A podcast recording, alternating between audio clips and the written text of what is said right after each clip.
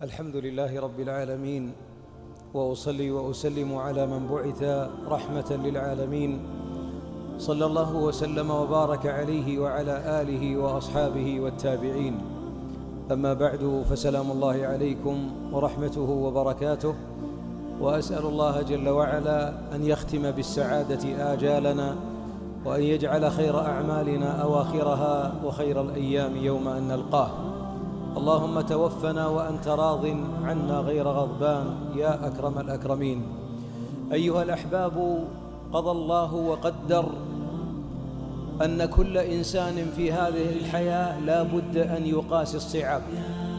وقد خلقنا الله جل وعلا في كبد بل وأقسم الله جل وعلا وهو أصدق القائلين لقد خلقنا الإنسان في كبد أقسم بالبلد ووالد وما ولد أن الإنسان لا بد في الحياة أن يذوق القصص ولا بد من الهم والغم فما حلت إلا اوحلت ولذلك الذي يبحث عن دار لا شقاء ولا س ولا عناء لا بد أن يبحث عن موقعها عند رب العالمين في جنات النعيم. هذه الدار شاء الله ألا ألا يصفو فيها عيش.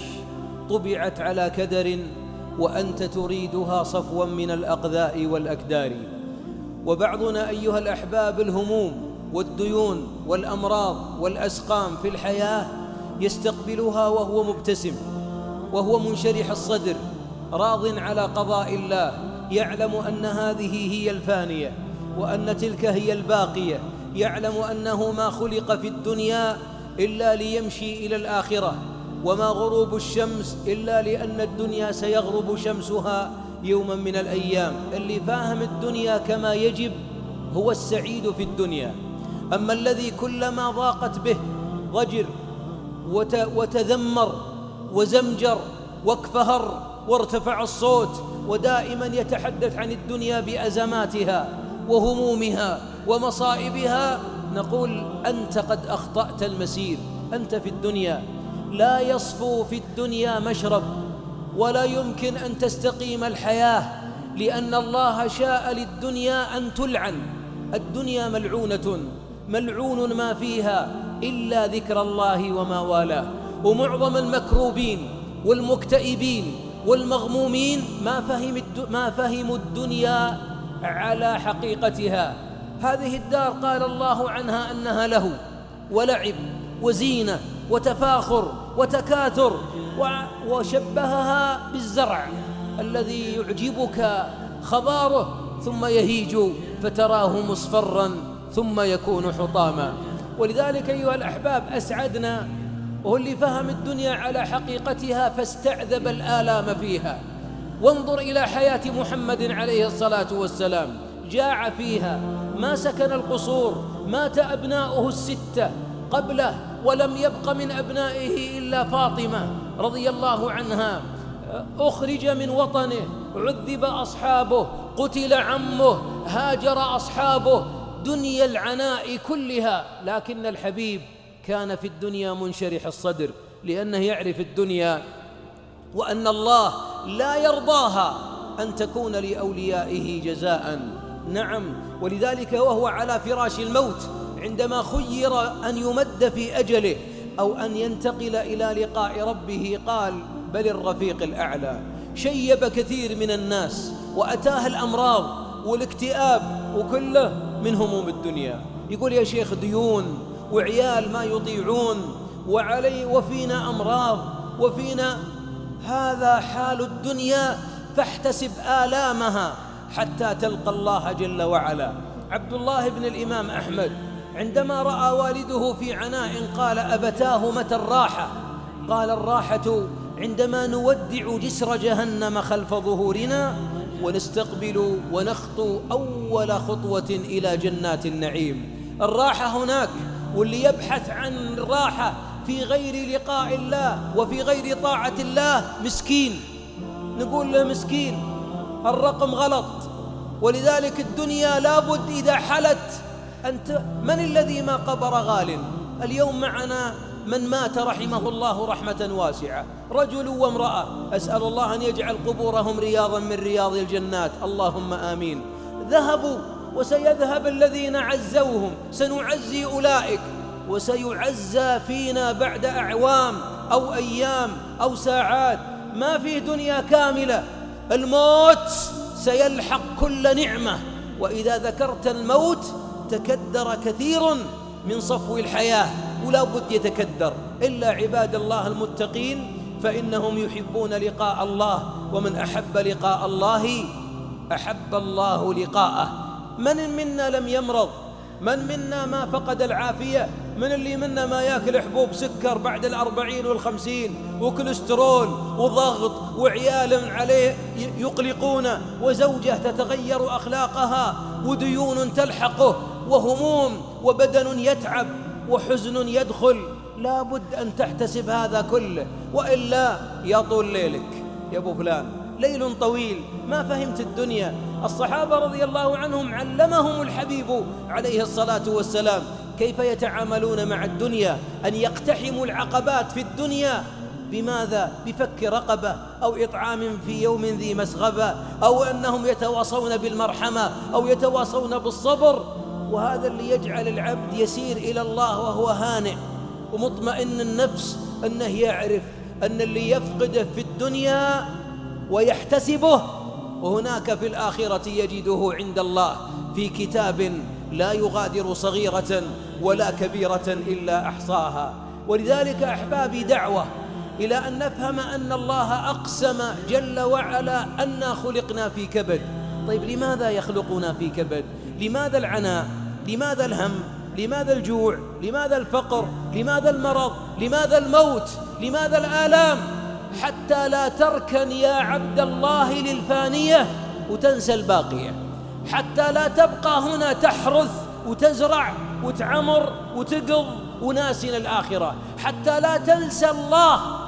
أنساهم نسوا الله فأنساهم أنفسهم. البعض منا شيبت لحيته وشيبت عيونه وكل همه يبني يعمر يحفر يصب يقض. يا مسلم أنت ستتركها بعد مئة عام. من اليوم ما واحد منا في المسجد موجود واللي متجاوز الأربعين ما, ما في أمل ولا ثلاثين قادمة ولا ست سبعين قادمة ولا أربعين والعلم عند الله سنلقى الله. لذلك آلام الدنيا هي التي توصلك إلى جنان الجنة. يقول بعض السلف لولا لولا مصائب الدنيا لقدمنا إلى الله مفاليس. لولا أن الله يصيب العبد في بدنه وفي ولده وفي ماله وفي من أحبه ويحتسبه ويصبر على الألم وعلى الحزن وإلا ما الذي يوصلنا إلى الجنة؟ الجنة إذا دخلنا الجنة أسأل الله أن يدخلنا الجنة بلا حساب ولا سابق عذاب. أن العبد إذا وصل إلى الجنة إذا وصل إلى الجنة أحبابي دخلت الملائكة تبشره وأكبر سبب أوصلك للجنة والملائكة يدخلون عليهم من كل باب. سلام عليكم بما صبرتم. ولذلك أقول للمريض يا اللي تاخذ إبرة وتاخذ علاج أو ذاك المريض الذي يقلبونه على الفراش احتسب الآلام واحتسب الأنين واحتسب التعب واحتسب الحمى فوالله إنها تكفر الذنب. بعض المرضى على سرير المرض من أعوام طوال ما ماتوا ولا هم مع الأحياء يدرجون. أتدرون لماذا إن كانوا من المحتسبين؟ لهم منازل عند الله في جنات النعيم. لم يبلغوها بعد. إذا بلغوها قبض الله أرواحهم وصار النوم على السرير هو أحد أسباب الثبات على الصراط يوم القيامة. نعم يا أيها المريض احتسب حبة المنظم وحبة الكوليسترول وحبة الضغط والأمراض التي تعتريك احتسبها واحمد الله وابتسم وأنت تبتلع الحبوب وتخترق جسدك الإبر. احتسب وابتسم فإن البلاء لا يزال بالعبد المؤمن حتى يلقى الله وليس عليه خطيئة. احتسب يا عبد الله من مات من أرحامك أم أب ابن بنت زوجة أبناء أرحام احتسبهم عند الله فالدموع لا ترد غائبا وكن صابرا فإنما الصبر عند الصبر الصدمة الأولى. أمر الله ملائكته عندما قبض عبدا ابن عبد من عباده قال ابنوا لعبدي بيتا وسموه بيت الحمد الحزن والبكاء والعويل واللطم وشج الرأس والصراخ والاعتراض لا يرد غائبا فارضوا على قضاء الله وأعظم عباد الله عملا. وتقا هو الذي إذا أعطي حمد وإذا أخذ منه حمد فليس لنا إلا قول الحمد لله رب العالمين. وأنت يا من افتقرت ولحيق بك الدين إن الدين هم والهم مكفر للذنوب. ما يصيب المؤمن من هم ولا غم ولا وصب ولا نصب. حتى الشوكة يشاكها. إلا كفر الله بها من خطاياه اقض دينك واستعن بربك. واعلم أن الهم الذي أقعدك وأتعبك لا يزيله التأوه ولا الاكتئاب رأى الحبيب صحابيا قد أقعده هم الدين.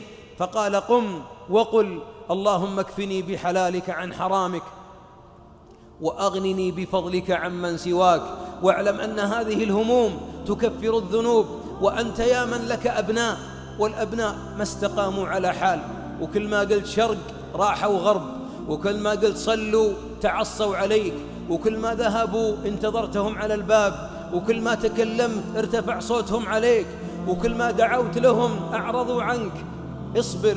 فهذا باب من أبواب الجهاد. صبرك عليهم لعل ما لعله هو الذي يصلحهم. وعسى أن تلتقي بهم على أبواب الجنة. وعسى أن يكون صبرك في تربية أبنائك.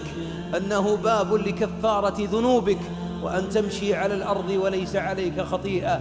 يا عبد الله اعلم أن الله جل وعلا شاء الدنيا أن تكون دار ممر. شاء الدنيا أن تكون للأحزان شاء الدنيا أن تكون علقما.